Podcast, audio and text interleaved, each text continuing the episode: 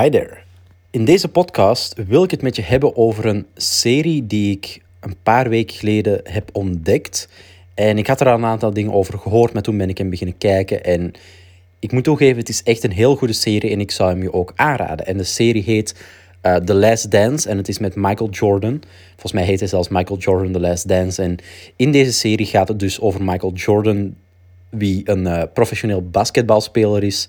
Sommigen zeggen zelfs dat hij de beste basketbalspeler ooit is geweest. Ja, daar ga ik niet dieper op ingaan, want heel eerlijk, ik heb niet heel veel uh, kennis over basketbal. is helemaal niet mijn ding. Maar wat ik wel weet, is dat het een heel vette serie is die veel verder gaat dan basketbal. Dus het gaat niet over uh, dat hij een topatleet is of zo. Nee, het gaat gewoon over zijn hele brand als Michael Jordan. Want wat heel veel mensen tegenwoordig ook niet meer weten, zeker jongere mensen, is dat als je bijvoorbeeld kijkt naar sneakers, je hebt Jordan sneakers. Je hebt uh, denk ik wel 16 verschillende Jordan sneakers, als in 16 modellen met dan verschillende kleuren. Misschien zelfs nog meer. Hij heeft een kledingslijn. Echt big business ook voor hem. Ik las vandaag dat hij, denk ik, 130 miljoen omzet uh, heeft gedraaid in 2019 met de kledinglijn en met schoenlijn. Dus meer dan welke andere schoenlijn met een artiest dan ook. Behalve Yeezy, maar dat is niet echt een artiestenlijn. Het is geen brand endorsement, bij Jordan wel. Maar het punt is meer, in de serie um, gaat het dus over hem. Want hij is dus de persoon achter de Jordan brand.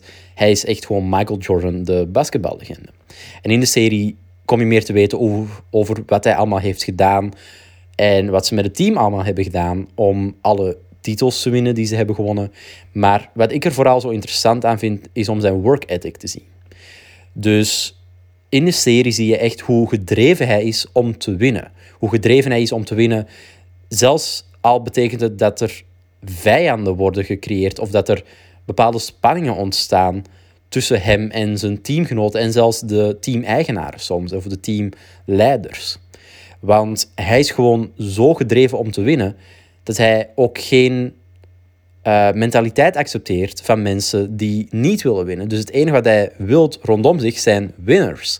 En als je niet bereid bent om daar alles voor te geven, dan gaat hij er niet mee akkoord en gaat hij er ook echt heel diep tegen in. En ik denk dat we hier met z'n allen heel veel over kunnen leren. Want ja, je moet natuurlijk rekening houden met anderen. Maar soms als je gedreven bent en je hebt een bepaald doel voor ogen. En ja, je bent ook zeker dat je het doel zelf goed voor ogen hebt. En dat je het zelf kan behalen wanneer mensen de juiste dingen doen. Dan is er ook niets mis om die gedrevenheid. En uh, ja, eigenlijk de drang om het doel te behalen. Je te laten leiden en je te laten helpen met het maken van beslissingen. Als in, als jij echt iets wilt. Ja, soms maak je mensen boos door echt daarachter te gaan en daarachter te blijven gaan.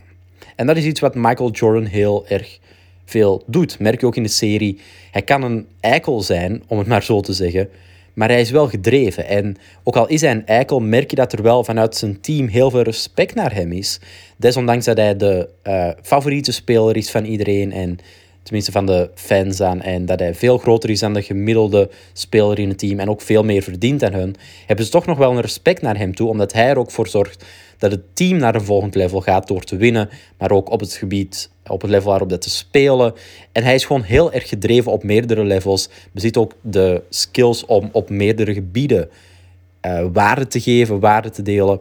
En ik vond het gewoon heel interessant. Dus ik heb de serie nog niet helemaal uh, gekeken. Er zijn nog een aantal afleveringen die ik moet zien. Ik denk dat ik ongeveer halverwege ben nu. Maar vanaf aflevering 1 wist ik al van oké, dit is vet. En ik vind het gewoon heel vet om te zien hoe gedreven hij is en hoe onvoorwaardelijk, ja, hoe onvoorwaardelijk gedreven hij is. Maar ook hoe onvoorwaardelijk hij zichzelf is in zijn gedrevenheid.